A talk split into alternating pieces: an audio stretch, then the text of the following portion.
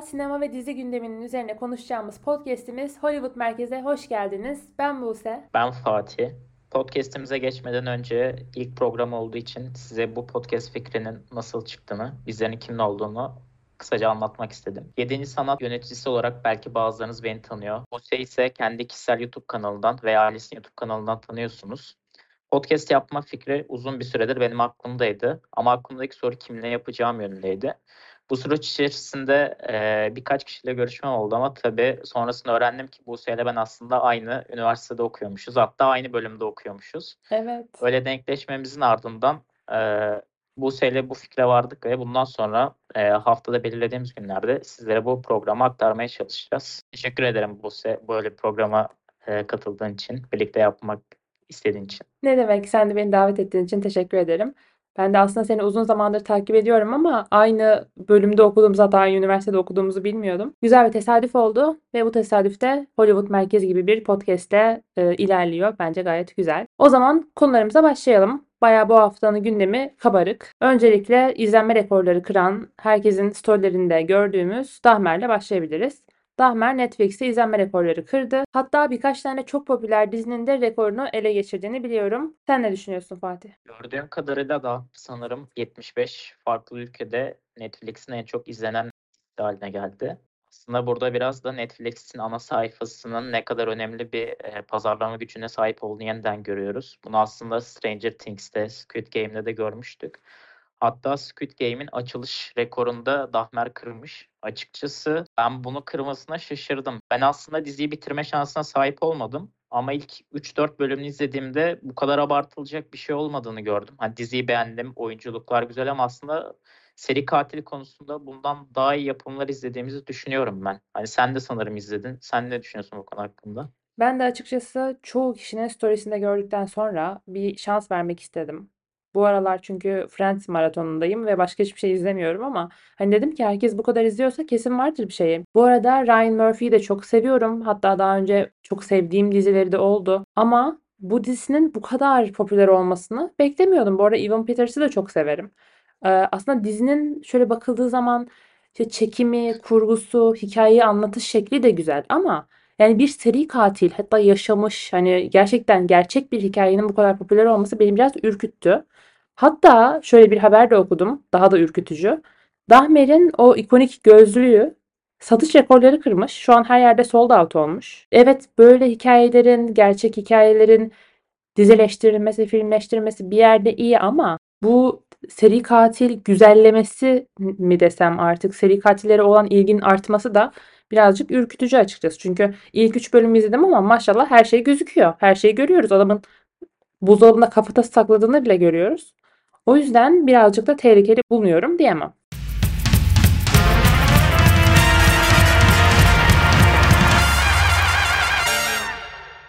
Netflix'teki e, haberimiz bittiğine göre bir diğer büyük platform olan HBO Max'e geçelim. Bildiğiniz üzere HBO Max Türkiye'de Rütük lisansını almıştı. Hatta aldığı söyleniyordu. Bir hafta önce bir haber çıktı. Yeni aldı ortaya çıktı. Ardından yine haberler çıktı. HBO Max acaba ülkemize bu yıl mı geliyor? Ee, ama bir açıklama geldi. Yayın hayatına HBO Max bu yıl başlamayacak. Bilmeyenler için aktarayım. HBO Max ilk olarak ülkemize açılacağı 2021 sonunda ya da 2022 başında belirtildi. Ee, Balkan ülkeleriyle birlikte ülkemize açılacaktı. Sonrasında bildiğiniz üzere HBO Max ve Discovery birleşmesi gerçekleşti. Bu birleşme sonucunda HBO'nun yöneticileri değişti başarısızlıktan ötürü mü yoksa başka bir sebep mi bunu bilmiyorum. Bu e, değişimin ardından ülkemizde senaryosu yazılan, çekimlerine başlanacak olan HBO Max dizileri iptal edildi. HBO Max'in de ülkemize gelişi belki bir yıl, belki iki yıl gecikti. E, bu senin de eminim bu konuda söyleyecek birkaç şey vardır. Açıkçası ben HBO Max'in ülkemize gelmesini çok isteyen kişilerdendim. Çünkü çok fazla HBO yapımını izledim ve çok severek izledim. Yani çok bence en kaliteli platformlardan biri. Orijinal içerik evet, üretme. HBO yapımı ne? Um, Succession. Zaten şu an ya benim Sopranos ya. Ya çok seviyorum ben bu diziyi. Bu dizi yanımda farklı bir bağ var. O yüzden yani ne koysan yanına Succession'ı seçerim. Ee, ama şöyle bir şey var ki biz bu yapımların hepsini ya Blue TV'den ya Bein Connect'ten ya da internetten izliyoruz. Ben açıkçası Succession'ı Being Connect'ten izlemiştim ilk iki sezonunu. Üçüncü sezonu geldiğinde ilk iki sezonunu izlemek için tekrar Being Connect'e girdiğimde bulamadım ve DM attım Being Connect'e Instagram'dan. Bana şöyle bir cevap verdiler. İlk iki sezonun lisansı bittiği için kaldırdık. Başka platformlardan izleyebilirsiniz. Ki başka platformda yok. Yani internetten izleyebilirsiniz. Benim anladığım sen Beyin Connect'ten aslında bu süreçte memnun değilsin. Sen HBO yapımlarını HBO'da izlemek istiyorsun. Hem görüntü kalitesi e, daha iyi olacak bir şekilde Evet. hem de sonsuza dek HBO'da lisanslı olduğu için hani istediğim zaman ben eski sezonlara, eski içeriklere ulaşabilmek istiyorum diyorsun. Yanlış anlamadıysam. Evet aslında bir yerde öyle diyecektim ama şuna eklemek istiyorum. Şimdi biliyorsun Disney de geldi ülkemize ve orijinal içerikler çıkarmaya başladı. Ve bence çıkardığı orijinal içeriklerin şu an bizim Kanal D'de, Star'da, ATV'de yayınlanan içeriklerden bir farkı yok. Ben bu platformların ülkeye göre hareket etmesini mantıklı bulmuyorum. Yani HBO Max gelecek ülkemize bir sürü orijinal yapım üretecek ve bu orijinal yapımlar HBO Max'in kalitesini benim gözümde düşürebileceğini düşünüyorum. O yüzden dedim ya başta ben eskiden HBO Max'in ülkemize çok gelmesini isteyen bir kişiydim ama artık değilim. Ee, sonuçta internetten izleyebiliyorum. Blue TV alıyor, bazen Bein Connect alıyor. Onlardan da ara sıra izleyebiliyorum. Her ne kadar kötü deneyimler yaşamış olsam da. O yüzden ben açıkçası çok deli gibi gelmesini istemiyorum. Ama e, gelirse tabii kapımız her zaman açık. Ben burada dediğini anladım ama ben de şöyle bir karşı tez oluşturmak istiyorum. Senin dediğin şey aslında bu platformların demeye getirdiğin şey sen Disney'i aslında Star Wars'la izlemek istiyorsun. Star Wars yapımlarını, kaliteli bütçeli film izlemek istiyorsun. Belki Percy Jackson izlemek istiyorsun. Hı hı. Ama ben de şöyle bir antitez oluşturmak istiyorum. Bu markalar açısından bakıyorum.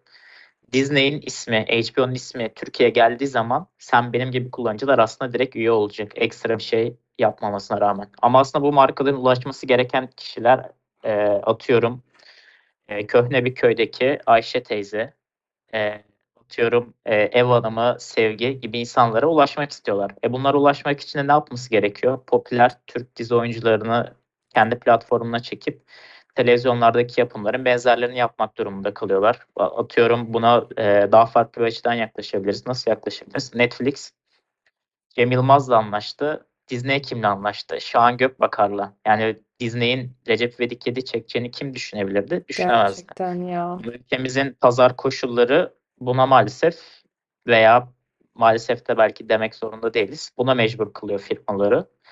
Açıkçası ben e, bu firmalar bize kaliteli içerik ürettiği sürece, bu firmalar bize kaliteli içerik sunduğu müddetçe orada Recep İvedik'in durmasından rahatsız değilim. Ama ne zaman ki bunlar bize kalitesiz içerik sunmamaya başlar, o zaman orada sıkıntı başlar. Gelsin. Bakalım. Belki kaliteli içerik üretir. Bilemeyiz. Bu arada başlamış da HBO Max orijinallerinin Türkiye'de çekilmesi.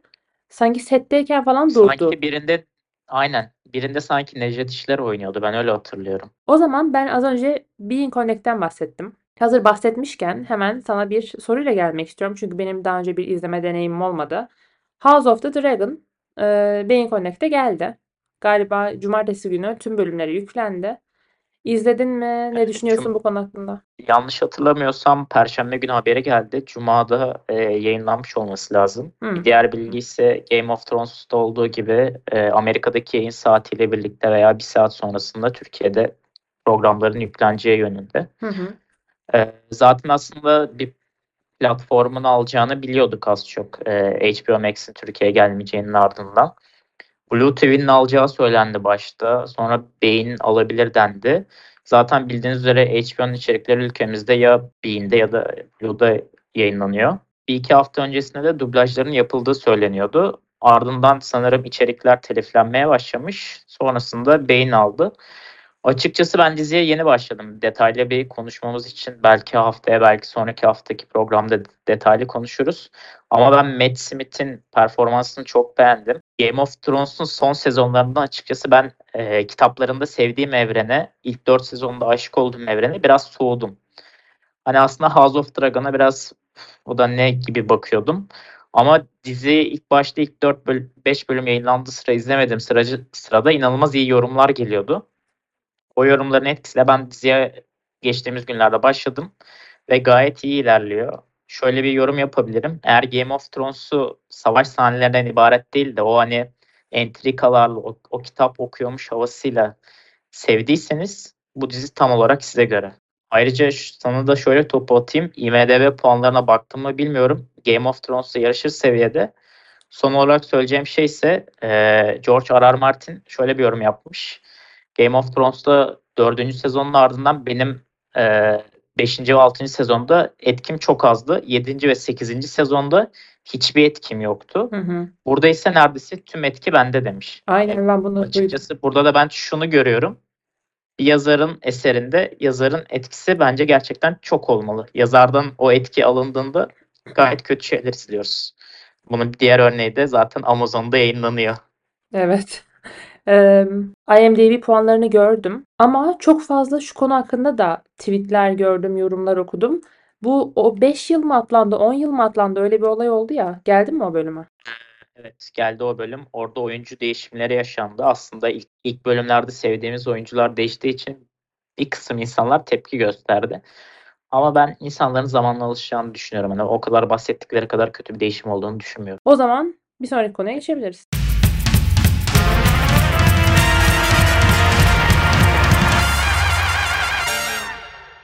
Amsterdam vizyona girdi. Aslında e, yıldız kadrosuyla beklentimin çok olduğu bir film. Ama bu film hakkında Buse tabii e, en sevdiği yönetmenlerden birinin filmi olduğu için benden daha çok bilgiye sahiptir. Sen izledin mi Buse? Ben de daha izlemedim. Bu arada çok korkuyorum çünkü biraz araştırma yap hiç bak hiç yorum okumamıştım ama az önce bir araştırma yaparken baktım ve yorumlar şu şekilde. Hani yıldız kadrosuyla hiçbir şey sunmamış gibi şey. Birkaç yorum okudum ve biraz korktum açıkçası. Çünkü benim en sevdiğim yönetmenlerden biri ve oyuncu kadrosu zaten yıkılıyor yani. Bu oyuncu kadrosuna bir bak. İlla sevdiğin bir oyuncu vardır. Hani Christian Bale, Margot Robbie ve e, John David Washington bir kenarda dursun. Mesela iniyorum aşağıya tamam mı? Rami Malek. Yani bu adamı sevmeyen bence yok. E, onu da o da kenarda duruyor. Robert De Niro bile var. Taylor Swift bile var. Daha ne yapsın yani bu adam size? Mike Myers var. Michael Shannon var. Chris Rock var. Chris Rock'ı bilmeyenler bile artık tanıyor yani Oscar'daki tokat olayından sonra. Enya var. Enya Taylor-Joy var. O yüzden hani öyle bir wow kadrosu var ki ben çok kötü, berbat bir yapım olsa bile bayılacağım, aşık olacağımı düşünüyorum. Bu hafta izleyeceğim. O yüzden haftaya daha ayrıntılı konuşabiliriz. Umarım haftaya da olumlu yorumlarla gelirim.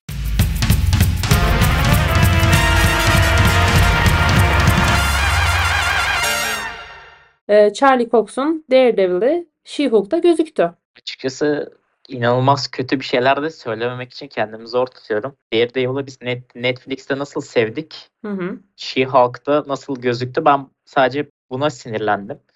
Yani ben She-Hulk dizisini tamamen izleyecek kadar sabırlı, kendisine saygısı olmayan bir insan değilim. Yani açıkçası She-Hulk dizisindeki efektler çok kötü geldi gözüme. Evet. Konu da ayrıca çok kötü geldi.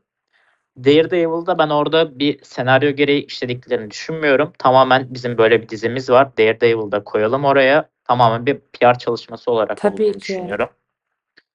Ee, Ben orada bir dövüş sahnesini gördüm YouTube'da. Muhtemelen sen de görmüşsündür. Zaten herkes o sahneyi görüp çıldırdı. Ben sadece şunu düşünüyorum. Yanlış hatırlamıyorsam Daredevil'ın sezon 1'de e, Kingpin'le bir dövüş sahnesi vardı sezon 1'in finalinde. Bir o sahneye bakıyorum, bir bu sahneye bakıyorum. Hani aynı oyuncu, aynı karakter nasıl bu kadar kötü olabildi diye düşünüyorum. Hani böyle bir düşüncemin sebebi de şu. Aslında biz Marvel yapımlarını CGI'ın yüksek olduğu yapımlar, görüntü kalitesinin bize inanılmaz iyi bir şekilde aktarıldığı yapımlar olarak biliyorduk. Hani Marvel nasıl bu raddeye geldi, nasıl kalitesi bu kadar düştü bilmiyorum ki ben Marvel'ın da gayet bütçeli, gayet kaliteli CGI firmalarıyla çalıştığını biliyorum aslında. Ama senin son olaylardan haberin yok mu? Ee, Yani var hep aslında. bu Black, Black olayların Widow'dan itibaren kadar etkileyeceğini düşünmemiştim. Ama adamlar koskoca Black Widow filminde bile acayip CGI hataları ve yani acayip komik sahneler yaptılar. Zaten sonradan açıklama geldi ya CGI çalışanları, yani bu CGI yapan kişiler em, hak ettikleri ücreti alamıyorlar mıymış yoksa çok hani kötü şartlarda mı çalışıyorlarmış Ee, artık öyle bir bilmeyenler vardı. için anlatalım o zaman. Hı hı. Ben anlatayım bilmeyenler için. Hı hı. Bildiğiniz üzere Endgame'e kadar olan Marvel yapımlarının CGI kalitesi bence tartışılmayacak bir Üst seviyede düzey. gayet iyiydi. Hı hı. Ardından Black Widow'lu olan yeni phase'in başlangıcındaki yapımlarda aslında CGI'lerin bir kalite düşüşüne uğradığını gördük. Belki hani buna bir ekstrem örnek olarak Spider-Man Hı söyleyebiliriz. hı. Ardından Amerika basınında şöyle haberler çıktı. CGI çalışanları Marvel'la çalışmak istemiyor. Sebep şuymuş. Son filmin vizyosuna girmesine 1-2 ay kala Marvel sürekli revizyon istiyormuş. Sürekli değişim istiyormuş. Ve CGI çalışanları da günde 10-12 saat aşan bir çalışma saatlerine maruz kalıyormuş. Kendine güvenen, aslında kendi işlerine kaliteli bulan bazı CGI çalışanları bu kaliteli firmalardan ayrılıp e, freelance olarak başlamış ve aslında CGI çalışanlarının kalitesi düşmüş. Çoğu firma çalışmamaya başlamış.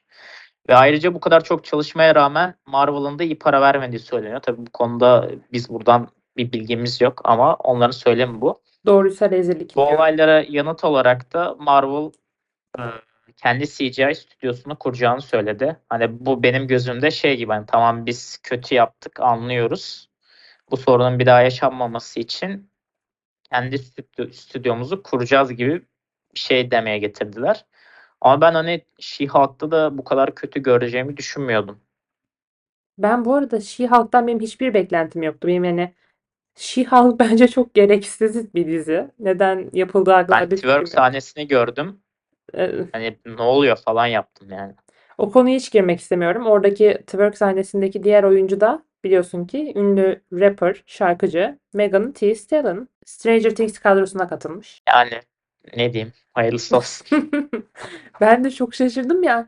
Ee, zaten Taylor Swift'in Amsterdam kadrosuna katılmasından itibaren e, çünkü Taylor Swift'in bir oyunculuk geçmişi yok. Hani Selena Gomez nasıl Only Murders in the Building'e başrol olarak seçildiyse ama o daha önceden oyuncuydu.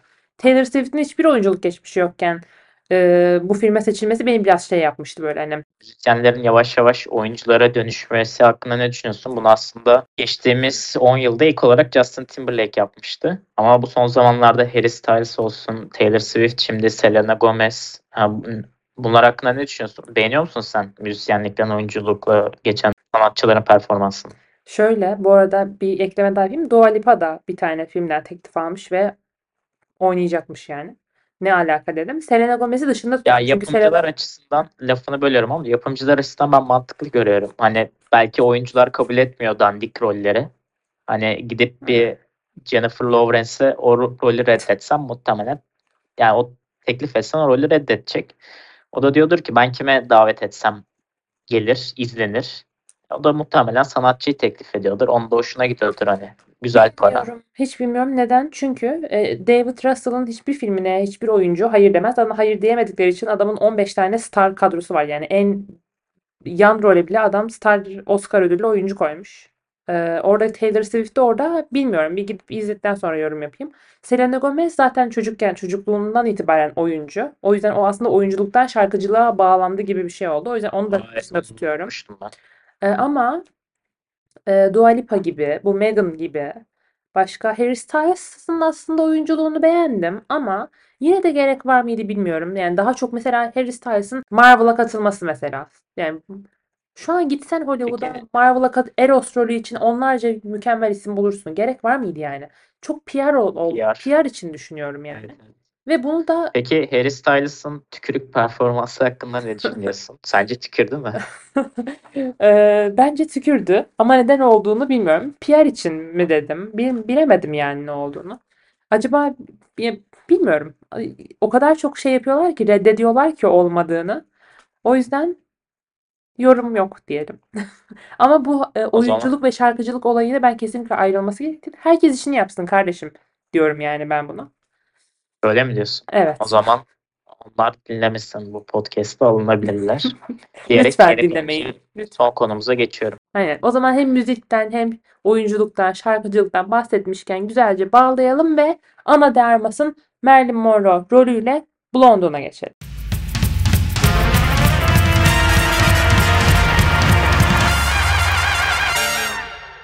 Ben bu filmi izlemedim. Topu sana atmadan önce gördüğüm şeyleri söyleyeyim. Bizim aslında Twitter'da okuduğum kadarıyla bizim Türk halkı biraz beğenmiş filmi. Ee, ama eleştirmenlere yurt dışı kaynaklarına baktığım zaman inanılmaz yerden yere gömüyorlar. Ee, ben filme biraz şans vermeye çalıştım açıkçası. Ama 15-20 dakikadan sonra o şansı da kaybetti. Belki ileride 2-3 yıl sonra tekrar önüme düşer izlerim ama şu an için ben pek başarılı bulmadım yapımı. Hani ana de armasında yok Oscar'a koşuyor yok böyle hazırlandı yok şöyle yaptı gibi yorumları gördükten sonra beklenti herkes yüksekte yüksekti. Sen nasıl buldun filmi? Açıkçası ben eee Ana de Armas'ın Oscar'a koştuğunu hala düşünüyorum. Çünkü bu seneye bakıyorum. Bu sene gelmişiz Ekim'e. Zaten şurada Oscar'a ne kadar kalmış? Şubat'ta falan olacak herhalde bu sene Oscar. O yüzden Oscar'a az kaldı. Bundan sonra da wow bir yapım çıkacağını veya en iyi kadın oyuncuda deli gibi Oscar'la anılacak bir oyuncu çıkacağını düşünmüyorum. O yüzden Ana de Armas hala Ama benim sana bir şey sorabilir miyim? Hı hı. Ee, IMDb puanı 5.6 olan, Metascore puanı 50 olan bir yapımından çıkacak bir oyuncunun sen Oscar alabileceğine inanıyor musun? Ben Netflix'in bu sene net Blonde'la Oscar'a oynayacağını düşünüyorum. Bu arada ben kendi Instagram hikayelerimde de paylaştım. Bu film sadece oyuncu alanında ve o da kadın oyuncu, en iyi kadın oyuncu alanında aday olsun ve onu alsın. Başka hiçbir adaylığı hak etmeyen bir film. Bu arada film tamamen kurgu olmasına rağmen Marilyn Monroe'nun hayatını bilmeyen biri kesinlikle gerçek zannedebilir. Çok tehlikeli. Ve kesinlikle Marilyn Monroe gerçekte böyle bir e, kadın değil. Azıcık yani bir belgeselini izlesen, bir internetten okusan nasıl bir kadın olduğunu bilirsin. Bu film tamamen tamamen onu olmadığı gibi biri gibi gösteriyor.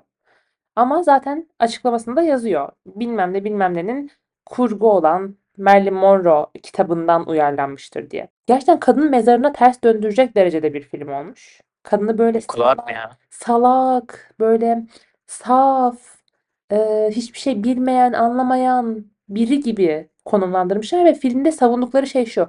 Kadının böyle konumlanmasından dolayı uğradığı zulümler, hani uğradığı haksızlıklara tepki olarak çekilmiş bir film. Ama bize tamamen öyle gösteriyorlar kadını. Yani o kadar çok Peki bir böyle... şey sorabilir miyim? Ee, Marilyn Monroe'nun aslında bir kişiyle olan ilişkisi çok spek- spekülasyonlara sebep olmuştu. John F. Kennedy'den hiç bahsediliyor mu filmde? Ben izlemediğim için Ben filmin son 30 dakikasını izlemedim ama şöyle, şöyle söyleyeyim sana ben izlemeden birkaç yorum okudum. Kennedy ile olan sahne, sahnesine bakamadım bile gibi yorumlar okudum tamam mı? Diyorum ki Allah'ım nasıl bir sahne olabilir ki yani falan diyordum. Ben Kennedy ile olan sahnesine kadar gelemedim dayanamadım oraya kadar. Ama Ben bu podcast'ten sonra bir bakayım o zaman o sahneye. bir Ne- Neye bu bak kadar ben dayanamadım çünkü kadın yani o kadar kötü göstermişler ki kadını gerçekten ben utandım izlerken. Büyük ihtimalle o sahneye de çok fazla utanacağım ve benim de onlar gibi izleyemeyeceğim için hiç gelemedim o sahneye. Ama benim için Blonde yılın en yüksek derecede beklenilen ama en berbat olan filmi. Ama tekrar ekliyorum. Ana de Armas ana dili İngilizce olmayan bir kadın. Ama gerçekten Marilyn Monroe'yu cuk oynamış. Ve akademinin de biyografi filmlerindeki insanları canlandıranlara ne kadar iyi davrandığını biliyoruz. Çoğu lead Yani evet çoğu oyuncu. ödül kazanıyor. Evet, Ödül konusunda biraz cömertler özellikle biyografi filmlerinde. Aynen. Bir de hani diversity falan diyorlar ya yani şimdi Ana de Armas da Amerikalı değil. O yüzden diversity'ye de gidip hani biraz ırkçılık yapmayalıma da girip Ana de Armas'a bence büyük ihtimalle Ana de Armas alacak da. Çünkü Marilyn Monroe gibi bir karakter e, Amerika'nın ikonik bir karakteri ve bu kadar güzel oynamış. Yani film berbat, senaryo berbat ama Ana de Armas gerçekten muhteşem oynamış. O yüzden ben Oscar alacağını düşünüyorum. Ama Blonde başka bir dalda lütfen aday olmasın. Rezillik olur. Öyle diyeyim yani. O zaman 3 ay sonraki Oscar programımızda bunu konuşuruz. Ama ben ilk programdan söylüyorum. Ben açıkçası böyle puanlara sahip olan bir filmin Oscar ödüllerinde ödül alacağını çok sanmıyorum. Özellikle e, böyle önemli bir ödülde yani direkt e, en iyi kadın aktörde sanmıyorum. Peki Aktriste pardon. peki hemen çok kısa bir 2-3 saniyelik düşünerek bana bir şey söyle şimdi. Gelmişiz Ekim ayına. Bana en iyi kadın oyuncu adayı söyler misin? Aklında kalan hani bu kadar filmi film izledik gördük. Aslında bir şey diyeyim mi? 2022 yılında ben böyle güncel film olarak çok iyi film izlediğimi hatırlamıyorum. Hatta çok film izlediğimi de hatırlamıyorum. 2022 yılında genel olarak önceki yıllara göre daha az güncel film izlediğimizi düşünüyorum. Belki hani bu de. vizyona giren filmlerdendir. Belki benim bu yıl meşguliyetimdendir. Ama yine çıkınca gör, görürüz yani. Önümüzde ne kadar var? Yaklaşık bir iki buçuk aylık daha süreç var. Hı hı. Bir projeksiyon yapıp eee, yakında vizyona girecek. Aslında şey filmi olabilir. Bak şu an aklıma geldi. Babylon. Belki oradaki Margot Robbie rolüyle iyi ödüller kazanabilir biliyorsun. Belki Amsterdam'da olur. Ee, evet Amsterdam'da olabilir ama Amsterdam'dan çok olumlu yorum görmedim. Babylon'da hem yönetmen faktörüyle biliyorsun e, La La Land'da Emma Stone ödül almıştı. Evet evet. Ben o zaman Babylon'a e, bu ismi koyuyorum. Ben Babylon'dan çıkacak bir kadın aktörün e, Margot Robbie'nin yani ödülü kazanacağını düşünüyorum. diyeyim. Dur Ama daha tabii daha ki film çıkmadı ya. kazanmayacak. Daha film çıkmadı Fatih. Bu kadar güveniyorum diyeyim öyle. Damon abime bu kadar güveniyorum. Ödülü kazandıracağına inanıyorum. O zaman bu haftalık bu kadar diyelim. Bayağı konuştuk. Keyifli bir konuşma oldu. Umarım dinleyenler de gayet keyif almıştır. Katıldığın için teşekkürler Buse. Her hafta katılacağım Fatih. Sen de katıldığın için teşekkürler. O zaman bu haftalık gündemimizin sonuna geldik. Haftaya kadar yine Hollywood bize bayağı bir gündem maddesi verecek diye düşünüyorum. Bizi Instagram'dan, Hollywood Merkez'den takip edebilirsiniz. O zaman Fatih teşekkürler. Bir sonraki bölümde görüşmek üzere. Görüşmek üzere.